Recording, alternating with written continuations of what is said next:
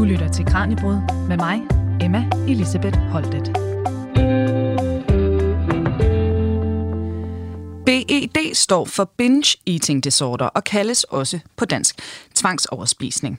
BED blev anerkendt som diagnose af WHO i 2018 efter lang forberedelse, men behandlingen blev først anerkendt af Sundhedsstyrelsen her i Danmark i januar 2022. Det vil altså sige, at BED i dag kan behandles på linje med andre spiseforstyrrelser, og faktisk så er der flere, der lider af BED end bulimi og anoreksi til sammen. Men hvordan er det at kæmpe med en spiseforstyrrelse, som mange både i og uden for sundhedssektoren stadig ikke kender? Og hvor svaret endda ofte lyder, du skal jo bare tabe dig. Formentlig et velmenende råd, men det kan faktisk have en ødelæggende effekt på dem, der lider af BED, hvis der fokuseres på deres vægt. Så hvad er det i stedet, der virker, hvis patienterne skal få det bedre? Og hvordan er det at leve med en diagnose, som kun de færreste kender til, og som til med er tabuiseret? Det finder vi ud af nu, hvor vi har besøg her i studiet af både forsker og patient. Sammen der dykker vi blandt andet ned i en sprit ny version af behandlingsmanualen, der netop er opdateret med erfaringerne fra de seneste tre år. Velkommen her til dagens Kranjebrud. Du lytter til Radio 4. Og med på en online-forbindelse fra Odense Universitetshospital, der har vi i dag forsker og psykolog Jakob Linnet, der altså har været med til at udvikle den her opdaterede behandlingsmanual. Jakob, velkommen til. Mange tak. Og lytterne, de kan jo måske genkende dit navn, fordi det er jo altså ikke så frygtelig længe siden, Jakob, at vi to vi dykkede ned i afhængighed sammen her i programmet. Øhm, at det er jo nemlig ikke kun BED, du beskæftiger dig med. Blandt andet så har du jo skrevet en doktordisputat om øh, ludomani. Så kan du ikke lige sætte et par ord på, hvordan det egentlig er, du arbejder med forskellige former for afhængighed? Jo, det kan du tro. Altså, man kan sige, at udgangspunktet det er jo, at øh, vi alle sammen har øh, det her dopaminsystem, som er sådan et belønningssystem. Øh, og noget af det, som, som min forskning ligesom pegede på, det er, at øh, dopamin aktiveres i forventningen om belønning. Så det vil sige, øh, når, vi, når vi enten skal til at spise noget, eller skal til at spille, eller skal til at tage alkohol, eller bruge alkohol eller stoffer, så aktiveres det her øh, dopaminsystem. Og det er sådan set den samme mekanisme, der gør sig gældende, uanset om vi taler ludomani, eller BD, eller stofmisbrug, eller hvad det måtte være. Og det er fordi, at i forventningen om belønning, så er der jo ikke noget stofindtag, der er ikke noget madindtag, mm. der er ikke mm. noget sukkerindtag. Og, og det, der ligesom gør sig gældende, øh, er min hypotese, det er, at at det her dopaminsignal, det får større og større betydning ind i afhængigheden. Altså man har teorier, der ligesom peger på, at ens trang til at tage sit stof, eller, eller hvad det nu måtte være, sin mm. adfærd, den stiger jo mere afhængig man bliver, mens nydelsen ved at indtage stoffet eller udføre adfærden faktisk daler. Og det her, det kommer vi mere ind på senere også, når vi skal tale lidt mere om, om diagnosekriterierne for BD, og også forskellene og, og lighederne mellem andre øh, spiseforstyrrelser. Øh, med her i studiet i dag, der har vi også fået besøg af Christina Storm, der er skuespiller og en af de danskere, der har diagnosen BED. Christina, også velkommen til dig. Tusind tak. Og øh, lige om lidt, Christina, der skal vi dykke ned i, øh, i nogle af dine erfaringer i forhold til, hvordan det er at få den her diagnose, og også leve med, med den her diagnose, især en, altså, i et samfund, hvor mange faktisk ikke ved, hvad det er. Men inden da, så tænker jeg, netop fordi det her det er så relativt nyt et begreb, så skal vi lige have sådan den grundlæggende forståelse for det her på, på plads. Så Jacob, kan du sådan i korte træk forklare, hvad vil det egentlig sige at have BED? Ja, altså BD er jo en, øh, en spisforstyrrelse, og den kan diagnostiseres på lidt forskellige vis. Der findes grundlæggende to former for diagnosesystemer. Det ene, det er det, der hedder ICD-systemet. Der er vi nået til version 11, og det er det, vi er i gang, til at overs- i gang med at oversætte til dansk lige i øjeblikket. Og så findes der sådan set også øh, et andet diagnosesystem, det er som er udviklet i USA, og det hedder DSM, og der er man nået til version 5. Mm. Øh, og de her øh, to diagnosesystemer, de er relativt overlappende, når det kommer til BD, men dog en, en lille smule forskellige. Så det, der er det centrale ved BD, det er, at man har det, som man kalder episoder med overspisning. Det vil sige, at man spiser en stor mængde mad inden for relativt kort tidsrum, og det vil sige typisk to timer, og at man samtidig, det er den anden del af kriteriet, oplever, at man mister kontrollen over sin spisning. Mm. Så når vi taler store mængder mad og oplevelsen af kontroltab, så taler vi ofte om en objektiv overspisning. Mm. Øh, nogle gange sker det i løbet af behandlingen, at så reduceres de objektive overspisninger, men man føler stadigvæk, at man mister kontrollen over sin spisning. Og så vil vi, vil vi mere kalde det for en subjektiv overspisning. Okay. Så det er sådan det, der er det centrale element. Mm. Og derudover, lidt afhængig af, hvad for et diagnosesystem man anvender, så er der også nogle andre symptomer, man skal være opmærksom på. Og der er fem symptomer, som man skal være opmærksom på. Det ene det er, at man, øh, om man spiser hurtigere, end man normalt gør. Mm. Øh, det andet det er, om man fortsætter til, man er ubehagelig mæt. Det tredje er, om man begynder at spise, selvom man faktisk ikke er sulten. Øh, det fjerde, det er, at man spiser alene, fordi man skammer sig over, hvor meget at man spiser, eller den måde, man spiser. Og det femte, det er så, at, øh, at man efter man har overspist, ligesom oplever skyld, eller skam, eller selvlede, eller, eller sådan nogle følelser. Mm. Så det er det, der ligesom karakteriserer overspisning. Men så adskiller BED sig faktisk også for nogle af, fra nogle af de andre spiseforstyrrelser. Øh, eksempelvis øh, den, som nogen vil kende som bulimi, mm. som også er udtryk for en overspisning. Men til forskel fra bulimi, så er der ved BD ikke det, som man kalder for kompenserende adfærd. Så det vil sige, at ved BD så kaster man ikke maden op igen, eller man tager heller ikke afføringsmiddel, eller man faster heller ikke, eller overtræner, eller, eller hvad folk nu ligesom gør for at forsøge at, at øh, kompensere for, at de har overspist. Mm. Og så det sidste, det er, at man skal selvfølgelig, ikke selvfølgelig, men man skal opleve det sådan, at de her symptomer er belastende at have i hverdagen. Eksempelvis ved, at man hele tiden tænker på mad, eller føler sig kontrolleret af sin spisning, eller føler sig kontrolleret af andre mennesker i forhold til sin spisning. Og hvor omfattende et problem er det her? Nu nævnte jeg jo i indledningen, ikke, at altså, det er jo flere, der har øh, BED end bulimi og anoreksi til sammen. Men hvad vil det sige her i Danmark? Altså, hvor mange mennesker er der så tale om? Her i Danmark, der skønner Sundhedsstyrelsen, at det sted mellem 40 og 50.000 mennesker lider af BED. Mm. Så det er, det er en ret betydelig gruppe, øh, særligt fordi jo BED som du har været inde på, er et overset problem i øjeblikket. Ja. ja. Og Christina, kan du sætte nogle ord på, hvordan det så er at, at leve med den her spiseforstyrrelse? Altså, hvordan påvirker det her din tilværelse? Ja, men altså, man kan jo sige, at, øh, at Jacob har i hvert fald lige beskrevet mit indre. Ja. på ja. mange måder, men samtidig så øhm, påvirker det mig jo hver eneste dag. Altså, mm. øh, selv i gode perioder, så øh, er mine tanker konstant øh, omkring mad. Mm. Og det er skide irriterende. Altså, det fylder så meget. Øhm, og øhm, ja, så det er jo, det er jo en hverdagsting. Øh, det er, når jeg tager stilling til øh, mine faste måltider, og det er især, når jeg øh, skal være alene om aftenen og sådan noget, at det fylder, øh, især i den periode, jeg er i nu, mm.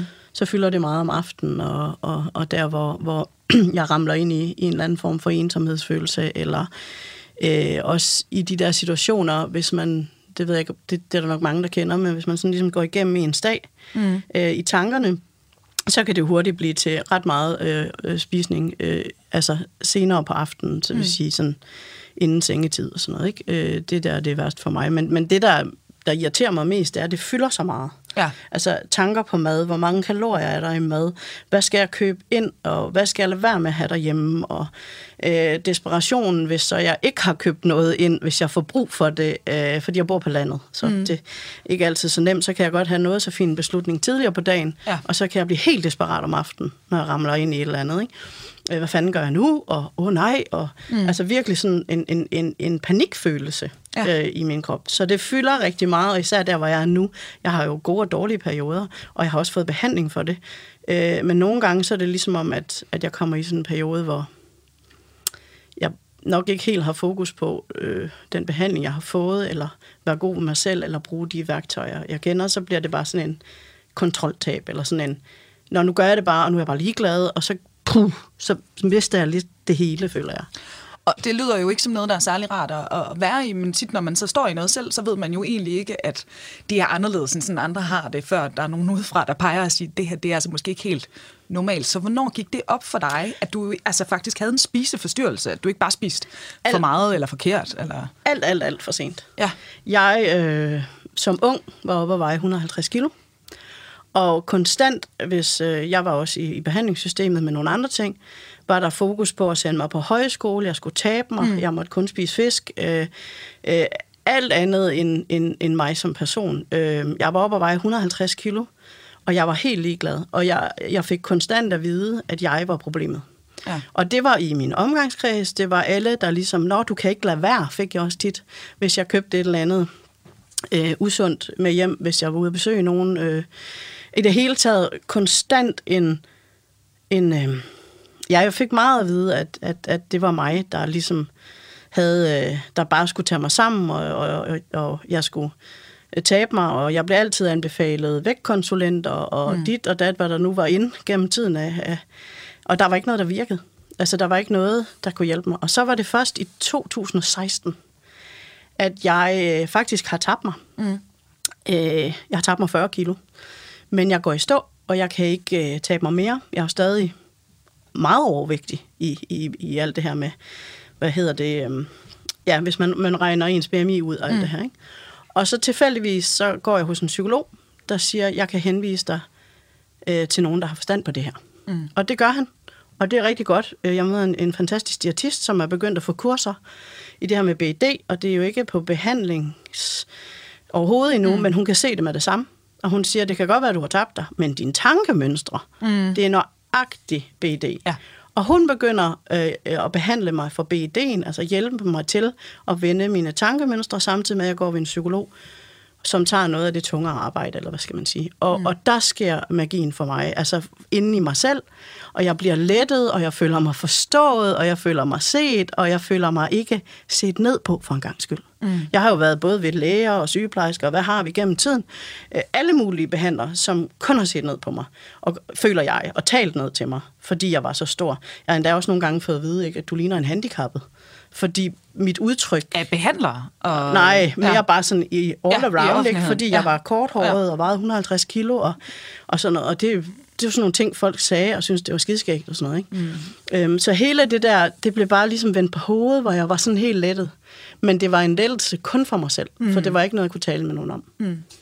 Så, altså, der går lang tid jo, kan man så sige, inden der ligesom er nogen, der prikker dig på skulderen og siger, at det er måske det her, der er, er på spil. Men altså, jeg går ud fra, at det er jo sådan en lettelse at få den diagnose, ikke? Det lyder da i ja, hvert fald i den grad sådan. Ja, ja, og også få hjælp til at slippe nogle af de der hårde tanker. Mm. Og konstant nedgøren af mig selv, som jeg havde vendet mm. mig til, var en fast del af mig. Ja. ja. Og, og Jacob, hvad, hvad tænker du, når du hører Christinas fortælling? Er den, øh, er den sådan relativt repræsentativ for det, du ellers møder, når du, når du taler med BD-patienter? Eller? Det minder rigtig meget om det, som mange af vores patienter fortæller om. Ikke også? Mm. Altså, øhm, vi valgte jo fra starten af at sige, at vi vil gerne lave det her som et gruppeforløb. Mm. Øh, og det vil vi gerne, fordi øh, altså, BD har den egenskab, den uheldige egenskab, at man skammer sig over sin spisning, og det man skammer sig over, det gemmer man. Mm. Og det man gemmer, øh, det isolerer en. Så derfor så kan man gå rundt og føle sig helt alene omkring sin overspisning og sin BD. Mm. Og det du beskriver, Christina, med at lige pludselig at møde nogen, der rent faktisk forstår, hvad det her handler om, at det er en kæmpe lettelse. Det er det også for vores gruppedeltagere. Så, så når, når vi lige pludselig sidder sådan med, med 8 BD-patienter i et rum, så oplever alle lige pludselig at føle sig mødt, mm. at føle sig hørt, og at føle sig forstået. Der er mange, der siger sådan noget som, jamen her kan jeg jo bare sige det, her behøver jeg ikke forklare det, så jeg kan jo bare sige det, og så ved de andre, hvad det er.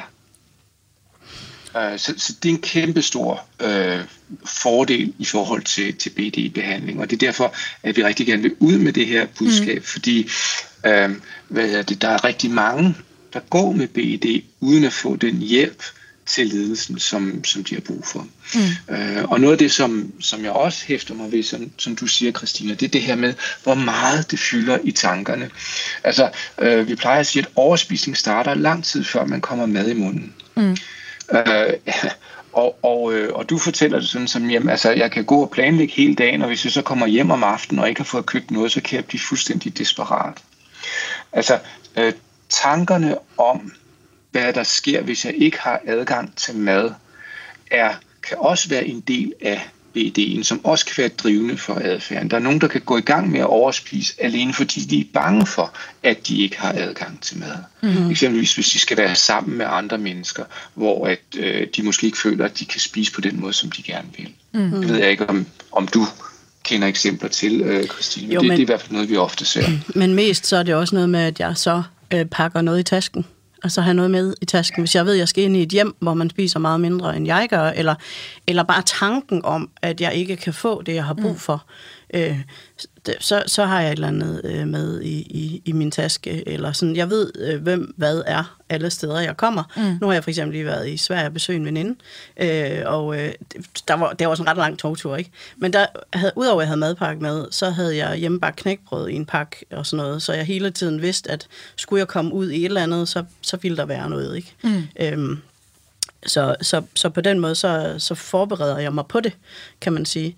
Øhm, Ja, men også... Og det, der måske er vigtigt at sige, det, det er, at alle mennesker forbereder jo en madpakke, hvis de mm. skal ud på en mm. lang togrejse. Det, der er det centrale her, det er, at det er frygten for ikke at have adgang til mad, mm. som er den drivende. Så derfor så ender man med ofte at tage meget mere med, end det man faktisk har brug for. ja, ja det, det, så, er, så det, det er ikke så godt mod at stoppe madspil, vil jeg sige. Jeg har meget mere med tit, og smider det ud. Og, så, så det, handler, det handler ikke om sult, af, af det, der ligesom er pointen mm. her. Ikke? Også, det handler om frygten for ikke at have adgang til mad som en måde at berolige mig på, eller tilfredsstille mig på, eller øh, ligesom komme på afstand af nogle ubehagelige følelser. Mm. Mm. Det er også lige vigtigt for mig at sige, at i forhold til det her med, at Jakob beskriver så, så fint med, med dopamin, mm. og, og det her med, at man får en eller anden form for belønning, inden man spiser, for mig var det jo også en kæmpe lettelse at forstå, at der var noget afhængighed i det. Mm. Også fordi at jeg har i en meget ung alder, alder besluttet ikke at drikke eller ryge, eller har været meget ekstremt fornuftig med mange af de der ellers mm. ting, man kan blive afhængig af, grundet min fortid. Øh, men, men da det så gik op for mig, at jeg egentlig havde nogle af de samme mønstre, bare med mad, så kunne jeg for eksempel snakke med min storebror på en helt anden måde. Mm. Altså fordi han, han har desværre øh, nogle problemer, og der... Øh, der, der mødte vi hinanden på et helt andet punkt, fordi jeg, jeg kunne sige til ham, jamen jeg tror godt, jeg forstår, fordi jeg har det bare med mad. Mm. Jeg, jeg har det bare med mad, ikke?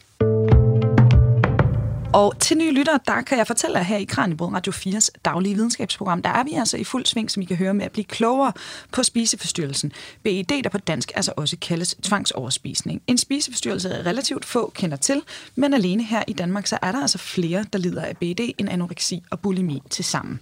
Og øh, her i studiet i dag, der har vi besøg af skuespiller og BED-patient Christina Storm, og med på en online-forbindelse fra Odense Universitetshospital, der har vi forsker og psykolog Jakob Lindet. Og øh, lige her, inden vi, øh, vi går videre og, og dykker længere ned i, øh, hvad det egentlig vil sige at, øh, at have den her diagnose, Jakob og Christina, I kender jo faktisk hinanden en lille smule i forvejen. Kan vi ikke lige forklare lytterne, hvordan er det jeres veje, de har krydset hinanden før? Jamen, det var fordi, at øh, jeg har stået som en af os i mange år øh, for at nedbryde tabu om psykisk sygdom, og bliver den vej rundt kontaktet, om jeg ville være med i øh, noget livestream øh, i, øh, for Psykinfo, øh, da øh, Sundhedsstyrelsen anerkender diagnosen som... Øh, ja, Øhm, og, og den vej rundt, så mødte jeg Jakob over i Odense, hvor vi lavede et livestream, og så havde snakket sammen fra to forskellige vinkler.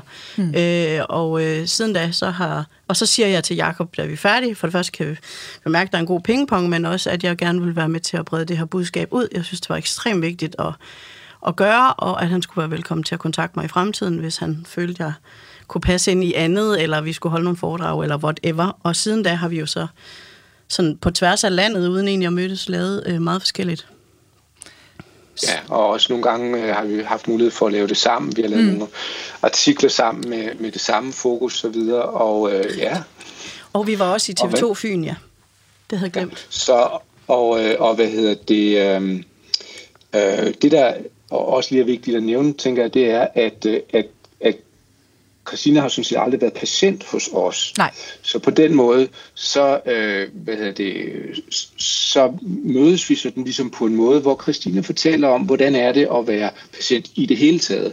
Og, og jeg kommer med nogle øh, hvad hedder det, indgangsvinkler til, hvordan vi så arbejder med, med BD.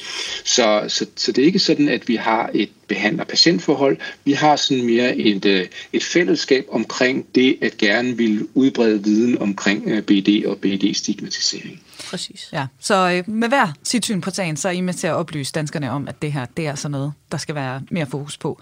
Og, øh, og apropos det, altså Christina, hvad er omverdens reaktion på diagnosen? Hvis du fortæller nogen, jeg har BD, hvad, hvad er det så, de siger? De bliver stille.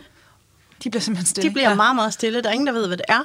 Øhm, og jeg kan huske, især da vejbehandling, havde jeg jo selv brug for ligesom at snakke med, med nære relationer omkring mm. det her med, øhm, øh, hvordan det var for mig at vende det her tankemønster i forhold til vægttab, som alle udmærket godt ved, øh, fylder meget øh, mm. hos mig. Og, og der blev det jo også en ene tale Øh, jeg forklarede lidt, og, og så var der nogen, der sagde, er du sikker på, at det er sådan, du skal gøre? Mm. Øh, fordi det ikke ligner en slankekur eller andet. Så er du sikker på, at du har fanget det rigtigt? Fik jeg nogle gange. Mm. Øh, men ellers er der ikke rigtig nogen, der siger noget. Øh, øh, og de, de ved ikke, hvad de skal sige, Nej. fordi de forstår ikke, hvad det er. Øhm, og, og jeg tror også lidt, at jeg har holdt det en del for mig selv, fordi når, når jeg ikke føler mig forstået i, at jeg egentlig åbner op for noget, der er sårbart, jamen så, øh, så siger jeg bare ikke mere. Øh, så er det nemmere at bare tage den selv, eller gå med det selv. Mm. Øh, øh, jeg har selvfølgelig rigtig tætte veninder, hvor jeg nævner det, og den anden dag var der en veninde, der sagde, hvor er det dejligt, at du, det er gået op for dig, at du har fået tilbagefald. Altså sådan, ej, mm. hvor er det dejligt. Og så, så er den ikke længere, fordi at, at selve BD'en og hvordan det fungerer, det er der ikke rigtig nogen, der, der ved, hvad er. Og, og Jacob, når man så sidder som, som behandler en, der skal jo netop være med til at diagnostisere det her, altså når, når folk i den brede offentlighed jo ikke kender til det her, altså hvad er diagnosekriterierne så? Hvad, hvornår er det, at man ligesom kan, kan sige til en patient, jamen du har altså rent faktisk en spiseforstyrrelse, og ikke bare spiser for meget, eller hvordan gør man det, når folk ikke kender, kender det her? Jamen altså, det er jo at at se på, jamen, er der rent faktisk overspisninger til stede? Mm. Altså, øh, foregår det her i en sådan grad, at, øh, at det er store mængder mad og oplevelsen af kontroltab? Mm. Øh, og så gør vi jo så det, at vi så også kigger på, på de her fem kriterier, som jeg nævnte, mm. og der skal man ligesom have opfyldt øh, tre af dem. Og, og typisk så vil det især være det her med at spise alene, Øh, det vil være det her med at øh, føle skyld og skam bagefter. Mm. Øh, og øh, og, og så vil det også være en af, en, af de tre, en af de tre andre, men de to sidste fylder rigtig, rigtig meget for BD-patienter på, på lidt forskellige vis. Der er nogen, der siger, jamen, øh, øh, jamen jeg bor jo alene, så jeg spiser altid alene. Mm. Og så vil jeg sige noget i retning af, jamen okay, men vil du også spise sådan foran dine venner? Nej, det kunne jeg aldrig drømme om. Mm. ja. Og okay, jamen hvorfor ikke? Jamen det ville jo være pinligt.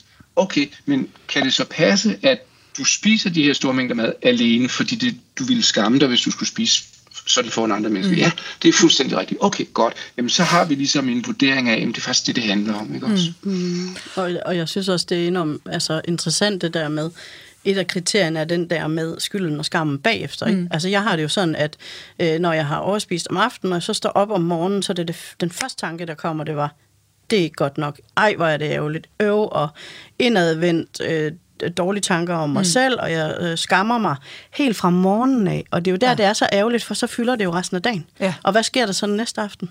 Ja, så spiser jeg en gang til, fordi jeg skal have et eller andet til øh, de her følelser og alt det her, jeg har inde i mig, som jeg ikke lige kan klare. Og så gør jeg det en gang til, og så kan jeg starte næste morgen.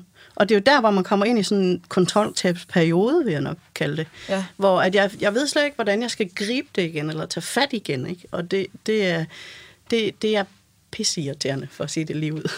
Så det har simpelthen sådan en selvforstærkende effekt, det her. Fuldstændig. Så du dunker dig selv oven i hovedet med, nu har jeg overspist, og så bliver det værre og værre og værre i princippet, ikke? Jo, altså. jo, fordi at jeg, jeg ved ikke, hvordan jeg skal ligesom få fat i det igen, ikke? Altså mm. tage fat i, øh, nogle gange, altså det kender de fleste mennesker også, der kan være mange tanker, men også når man allerede rammer ind i skyld og skam fra morgenen af, mm. Øh, mm. så påvirker det altså resten af ens dag, mm. desværre. Øh, det var meget fedt, hvis man vågnede op og sagde, hold kæft en dejlig dag, hvor er du øh, god til et eller andet. Ikke? Altså, ja. eller sådan, det, det bliver bare sådan en, en, en ting, som fylder resten af dagen. Mm. Og, og netop hvordan man så skal arbejde med at bryde de her øh, tankemønstre og, og mekanikker, der, der foregår op i hjernen, det skal vi dykke ned i lige om lidt. Men Jakob, inden da, Øh, hvis man nu skal sammenligne med andre spiseforstyrrelser, lad os lige starte med lighederne først. Hvis vi ser på sådan noget som anoreksi og bulimi, øh, du har været inde på, på nogle af forskellene, men hvad er, er fællestrækkene for de her spiseforstyrrelser? Øh, jamen altså, fællestrækkene det er jo, at de har noget at gøre med på en eller anden måde, at man har et, et forstyrret forhold til spisning. Mm. Og, og når jeg siger spisning, så er jeg faktisk ret specifik omkring det, fordi hverken anoreksi eller bulimi eller BED er en madforstyrrelse. Det er ikke maden, der er problemet. Det er spisningen, der er problemet. Det er den, der er forstyrret. Det er heller ikke en kalorieforstyrrelse eller en intelligensforstyrrelse. Det handler simpelthen om, hvordan er det, jeg relaterer mig til at spise. Hvilken funktion har spisningen? Mm. Og ofte har spisningen, når vi så taler om, hvordan de er forskellige, så har de ved BED den funktion, at de kan være med til at skabe noget ro eller dulme. Øhm, bulimi og anoreksi kaldes for restriktive spiseforstyrrelser. Det vil sige, at man forsøger i videst mulig omfang at undgå at spise, og når man så spiser, så bliver man frygtelig bange for konsekvenserne af at spise. Mm. Så, der er, så, så, så der er det et lidt et andet fokus, som er der. Uh, hvad hedder det? Og, og noget andet, som også er, er afgørende forskelligt, det er, at ved anoreksi og bulimi, der taler man om, at der er et forstyrret kropsbillede. Så når man ser på sig selv i et spejl eksempelvis, så, så opfatter man ikke et retvisende billede af, hvordan man ser ud, om man er normalvægtig, eller om man er overvægtig, eller om man er undervægtig. Mm.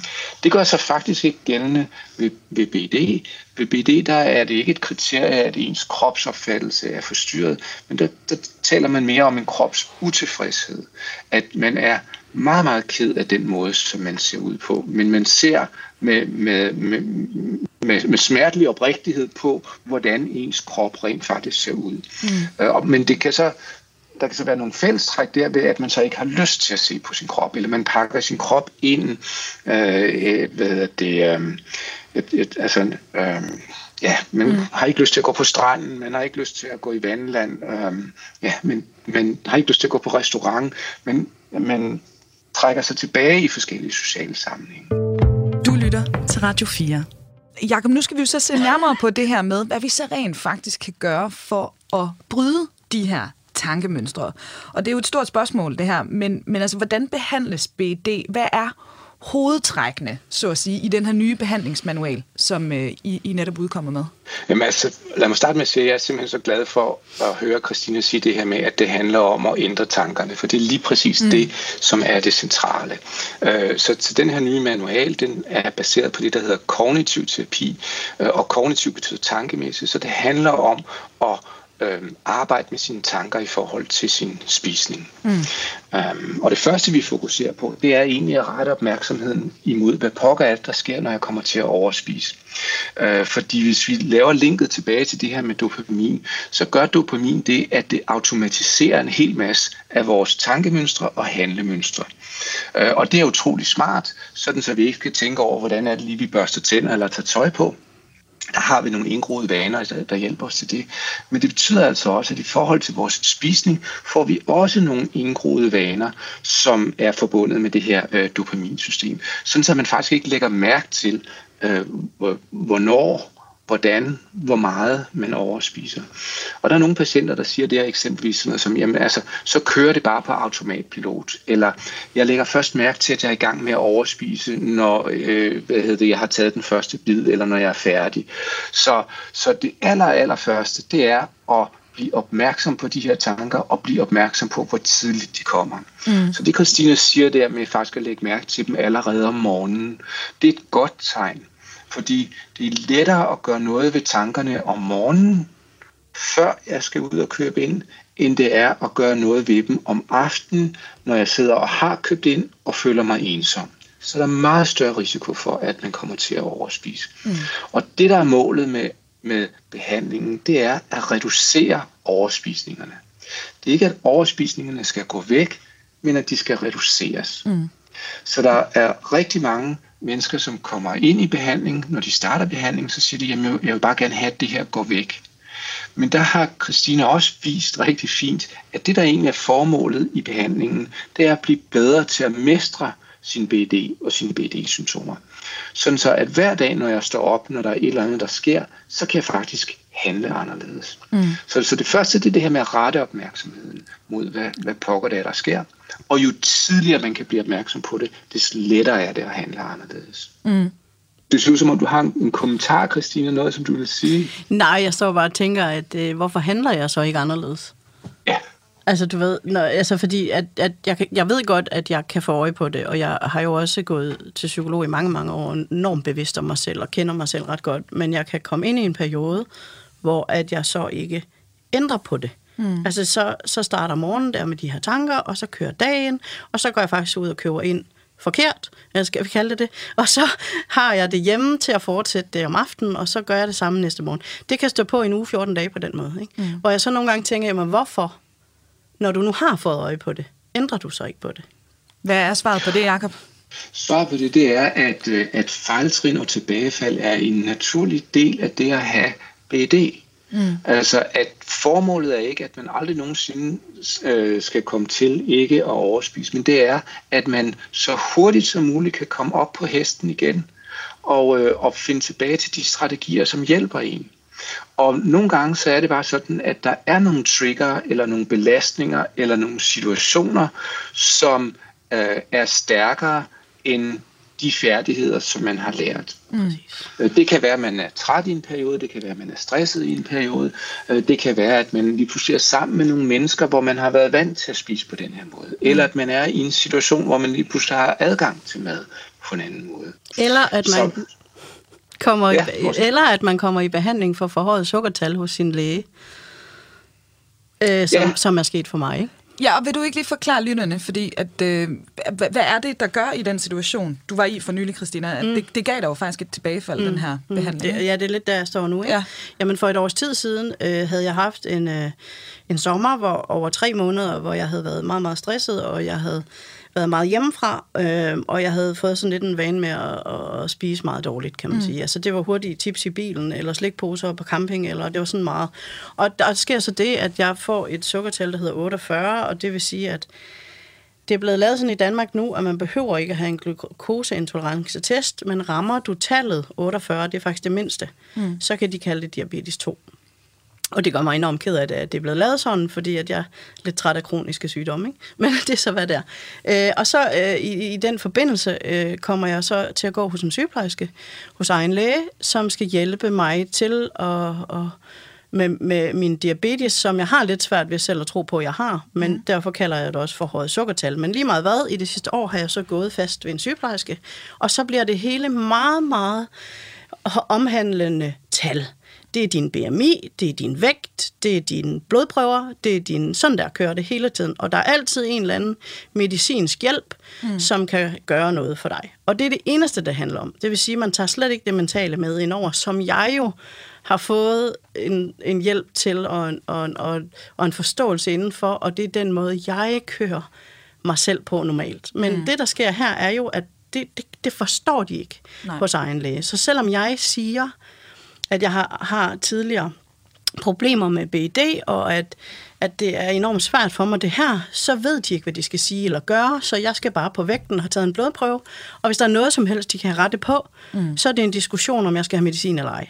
Ja. Og, og, og her skal lige siges, at jeg er meget, meget mildt tilfælde, mm. fordi mit tal kun er 48, i dag er det dalet rigtig fint igen, men jeg er meget mildt tilfælde, og som sygeplejersken selv siger, ja, havde vi kigget lidt tilbage, så ville vi jo aldrig kalde det sukkersyge. Men det gør vi nu. Mm. Og, og på den måde har jeg jo så nu i, i et års tid gået fast ved en sygeplejerske, der ikke forstår, hvad BD er, eller forstår, at hun kommer til at trick nogle ting hos mig. Så det har den modsatrettede effekt, Desværre, og når hun, gør hun fokuserer det på vægten? fuld god mening. Mm. Det er meget vigtigt for mm. mig at sige, for det er det, lægehusene er der til. Det er den måde, de gør det på normalt. Mm. Men når jeg så kommer ind, mm. så, så så har de kun de redskaber, som ja. de nu engang har. Og så kan jeg nok så flot prøve at sige fra, eller prøve at forklare, men de forstår det ikke og ved det ikke. Mm. Så jeg har desværre fået tilbagefald, fordi at min tankemønstre er blevet enormt hård ved mig selv igen. Jeg er blevet mm. enormt hård ved mig selv, og jeg går meget op i tal. Øh, mega meget op i tal. Øh, hvad siger min blodprøve? Hvad siger min vægt? Hvad siger det ene og det andet? I stedet for ligesom bare at gøre det, som jeg egentlig har lært så fint, virker bedst. Ja. ja. Og så lad os, lad os prøve at vende til, tilbage til det og til, til behandlingsmanualen, Jacob. Altså, fordi hvad er det så egentlig, sådan en sygeplejerske skal, skal vide? Hvad er det egentlig, man skal tilbyde patienterne med BD? Du sagde, for det første så skal man selvfølgelig som patient blive opmærksom på mekanismerne, der, der ligger bag. Hvad er næste skridt så? Lad mig lige starte med at sige til Christina, at vi arbejder faktisk på den her problemstilling i mm. øjeblikket. Uh, vi, vi har et samarbejde med Steno Diabetes Center på Odense Universitetshospital, hvor vi er opmærksom på, hvordan det her med at uh, lige pludselig blive sat på diæt eller restriktiv spisning kan være med til at, uh, at trigge ens overspisninger, og hvordan overspisninger kan være med til at og, og, og forskubbe ens blodsukker, øh, og hvordan de ændringer i blodsukker, de tal, der kommer ud, kan faktisk være meget skræmmende at have, og de kan være så skræmmende, at folk så ikke møder op til kontrol. Mm.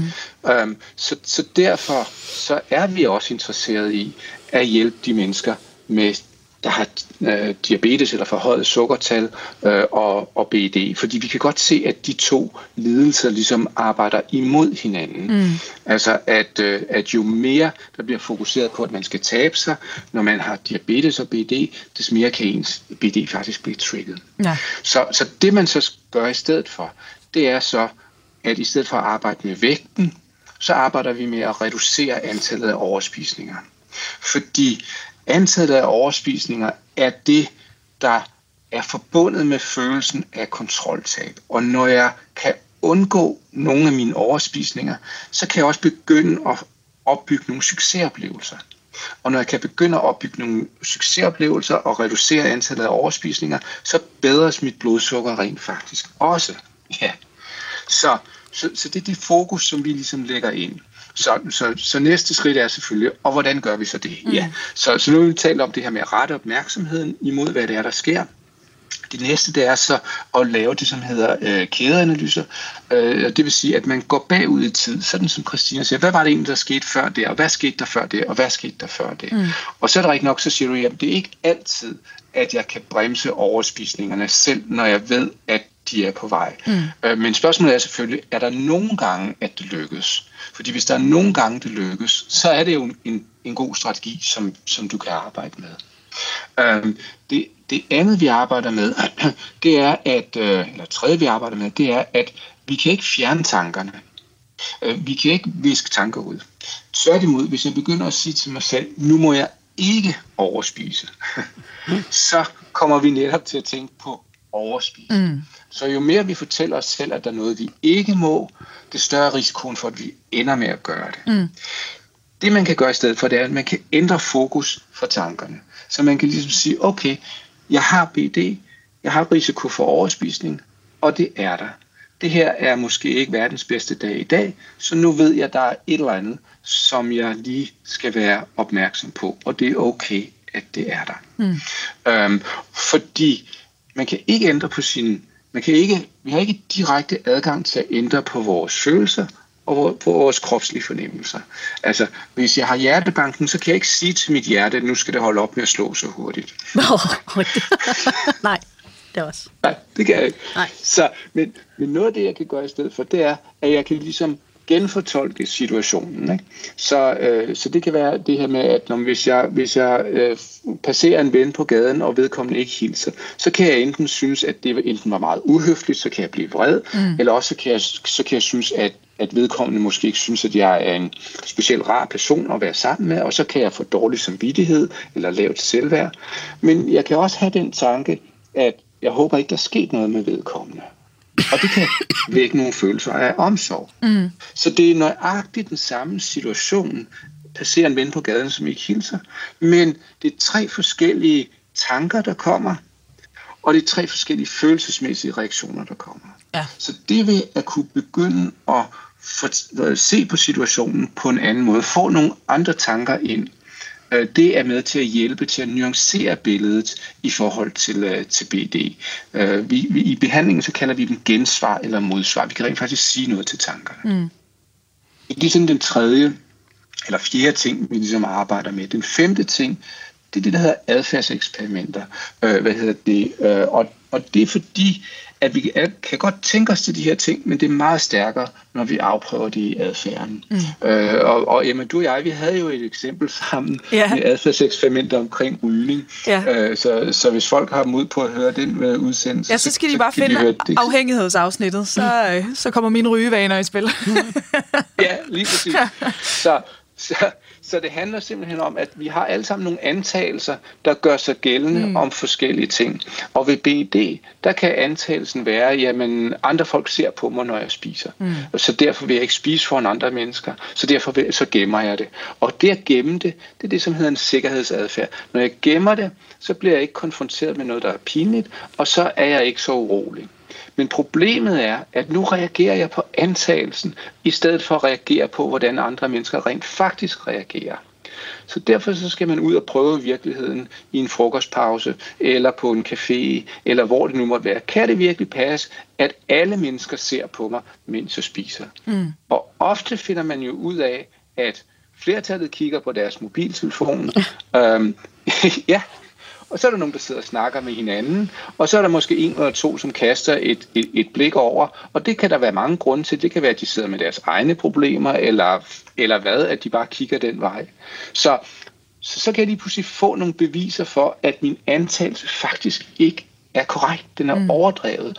Og det kan give mig nogle muligheder for at handle anderledes, som er meget stærkere end det, jeg kan sige til mig selv. Mm. Ja, men, men, men Christian, det ud som om, du havde noget, du ville sige til det. Nej, men altså, jeg står bare lidt og, og, og lidt kan ikke lade være med at tænke på, hvornår jeg sådan selv har nogle, hvad skal man sige, oplevelser der, mm. ikke? Altså, i forhold til min adfærd, og hvad jeg gør for at gemme mig, eller, eller sådan noget, ikke? Øhm, og der er øhm, øh, teateret jo en, en glimrende, hvad skal man sige, ting at tage op. Ikke, ikke så meget inde på scenen, altså der er jeg mega glad for at være inde og sådan noget, men, men der er jo meget backstage, og for eksempel omklædningen har været virkelig et issue for mig. Mm. Altså, fordi jeg er stor, og, og ofte er jeg den eneste store på teaterscenen eller på filmsættet. Mm. Så øh, det er jeg lidt vant til efterhånden. Øh, så, så jeg allerede, inden jeg ligesom øh, går ind i det her regi, så regner jeg med, at de tænker noget om mig.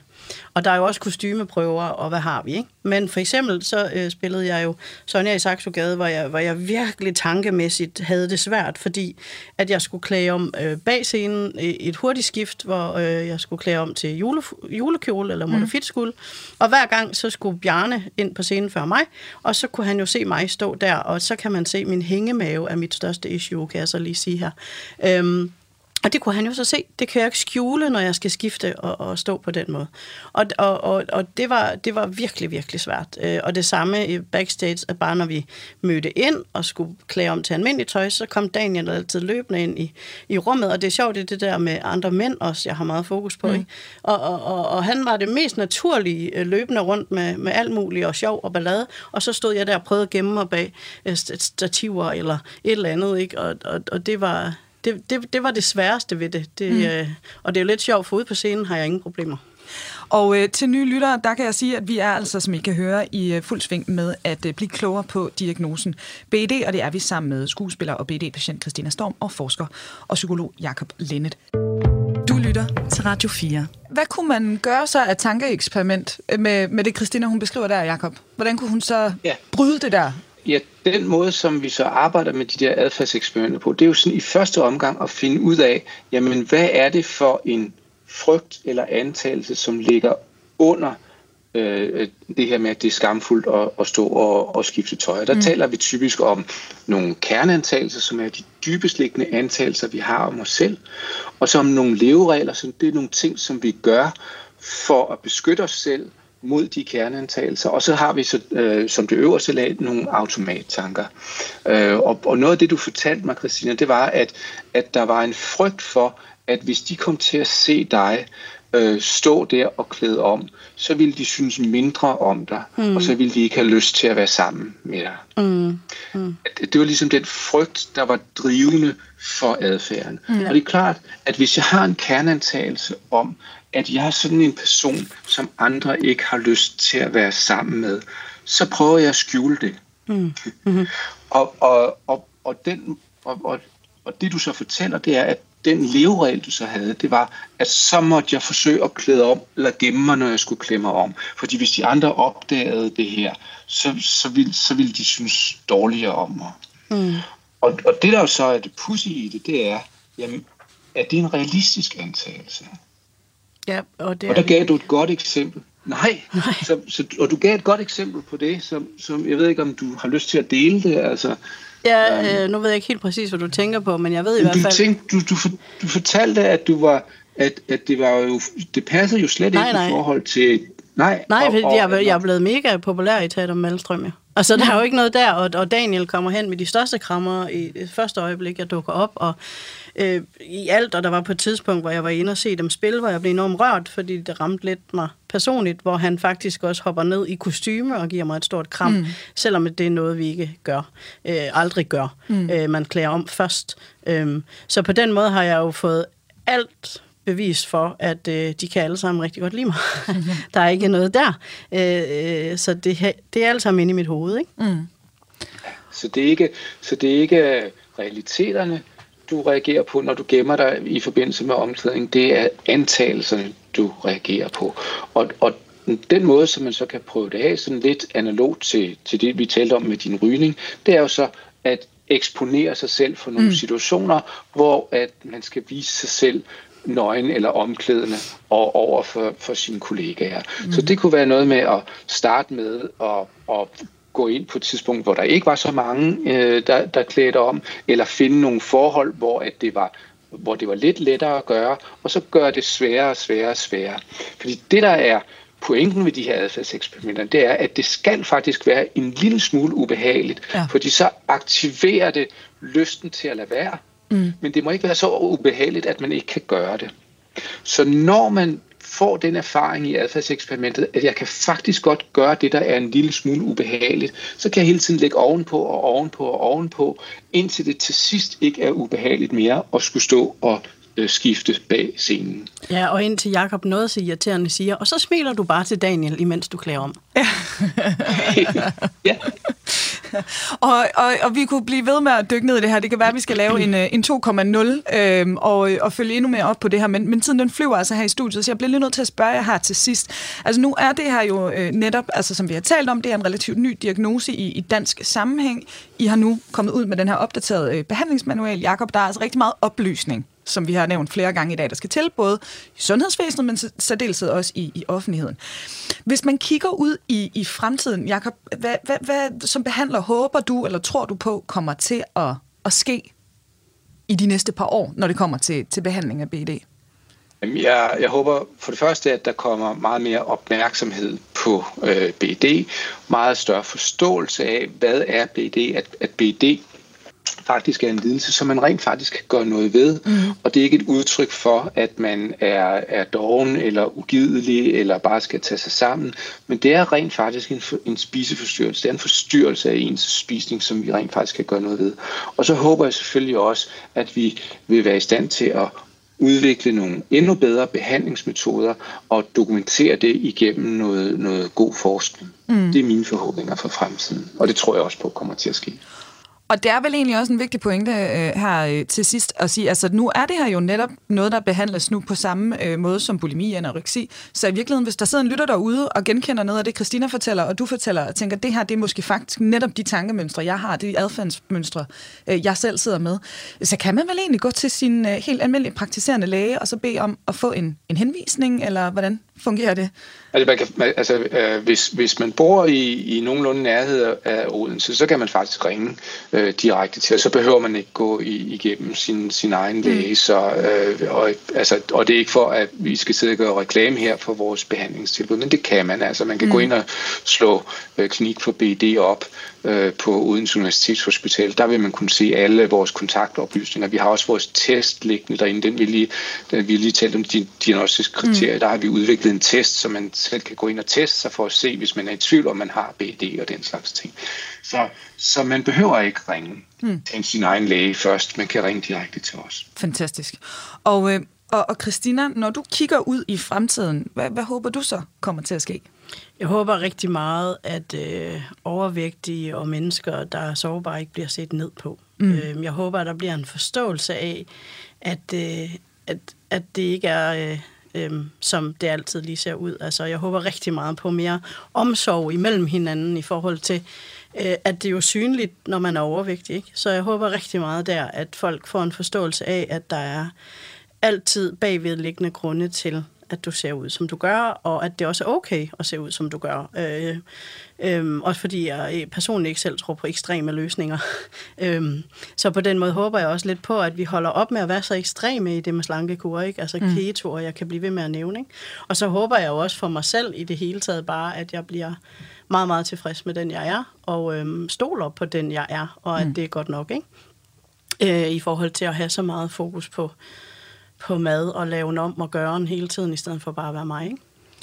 Og det synes jeg, det skal være ordene, vi slutter af på her i, i den her omgang af Kranjebrud, Radio 4's daglige videnskabsprogram. Og øh, forhåbentlig i dag er der altså hermed flere, der i hvert fald kender til, til BED og, øh, og hvad det vil sige at have diagnosen. Christina og Jakob, tusind tak til jer begge to, fordi I vil være med her i dag. Selv tak. Tak. Med her i dagens afsnit, der har du altså lyttet til forsker og psykolog Jakob Lindet fra Odense Universitetshospital og skuespiller og BD-patient Christina Storm.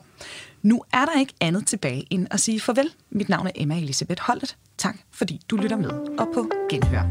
Programmet er produceret af Videnslyd for Radio 4